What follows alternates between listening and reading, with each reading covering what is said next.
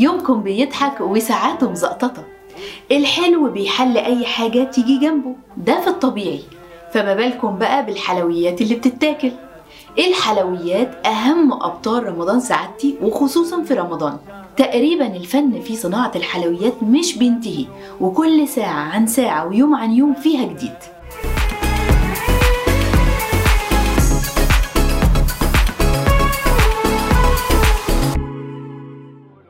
شهر رمضان مشهور جدا بحلوياته المميزة اللي ملهاش بديل على السفرة الرمضانية. بطلنا النهاردة طعمه لذيذ وشهي جدا. بطلنا النهاردة الكنافة.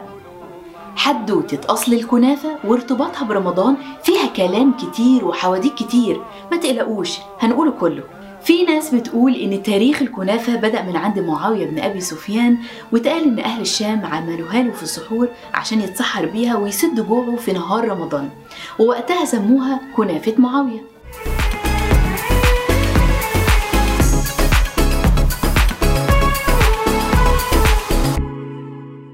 وفي كلام تاني بيقول إن أصل الكنافة بيرجع للعهد الفاطمي في القاهرة إنها اتعملت مخصوص لاستقبال المعز لدين الله الفاطمي وهو كان راجع من المغرب. فاكرين حكاية وحدوتة الفانوس؟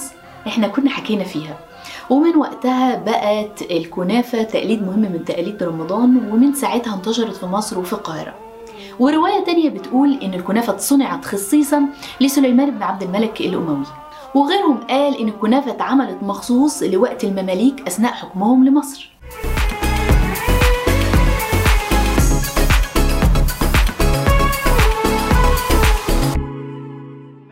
الكنافة عبارة عن إيه؟ الكنافة عبارة عن خيوط عجين عليها سمن وسكر ومكسرات. ده الشكل المبدئي للكنافة اللي كلنا اتعودنا عليه وطلعنا عليه. على فكرة الكنافة مش مشهورة بس في مصر ده كمان معروفة ومشهورة جدا في دول بلاد الشام وفلسطين ولبنان وكمان تركيا واليونان الكنافة وأهم الكنافة بقى في منها أشكال وألوان لا حصر لها وكل شوية يخترعوا لنا حاجة جديدة ففي الكنافة بالمكسرات.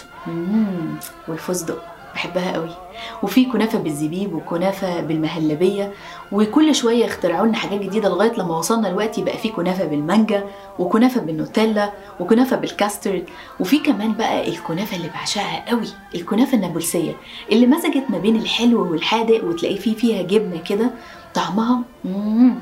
أنا عن نفسي بحبها جدا لغاية لما بقيناش عارفين ناكل كنافة بإيه ولا بإيه نيجي للاسم وعايزين نعرف هي الكنافة اسمها كنافة ليه الكنافة جاية من الكلمة العربية وأصلها العربي من كلمة كنف. وكنف يعني الشيء اللي بيحوط شيء. يعني الكنافة بتحوط السمن والسكر وأي حاجة محشية جواها. هو الحقيقة إن الكنافة بتحوط قلوبنا من كتر ما بنحبها. ايا كان أصلها ولا فصلها المهم إن الكنافة طعمها يتجنن ومحدش يقدر يستغنى عنها في رمضان. أنا شخصيا بحب الكنافة اللي أمي بتعملها لي بالفستق. ربنا يخلي أمهاتكم وعائلاتكم الجميلة. يلا شاركوني أنواع الكنافة اللي بتحبوها وخدوا صور ووروني في التعليقات. وما تنسوش عشان نعرف دايما موروثنا الرمضاني like و share عشان يوصل المحتوى لأكبر عدد من الناس. وأشوفكم مع بطل جديد من أبطال رمضان سعادتي. ليكم مني كل الحب. رمضان سعادتي.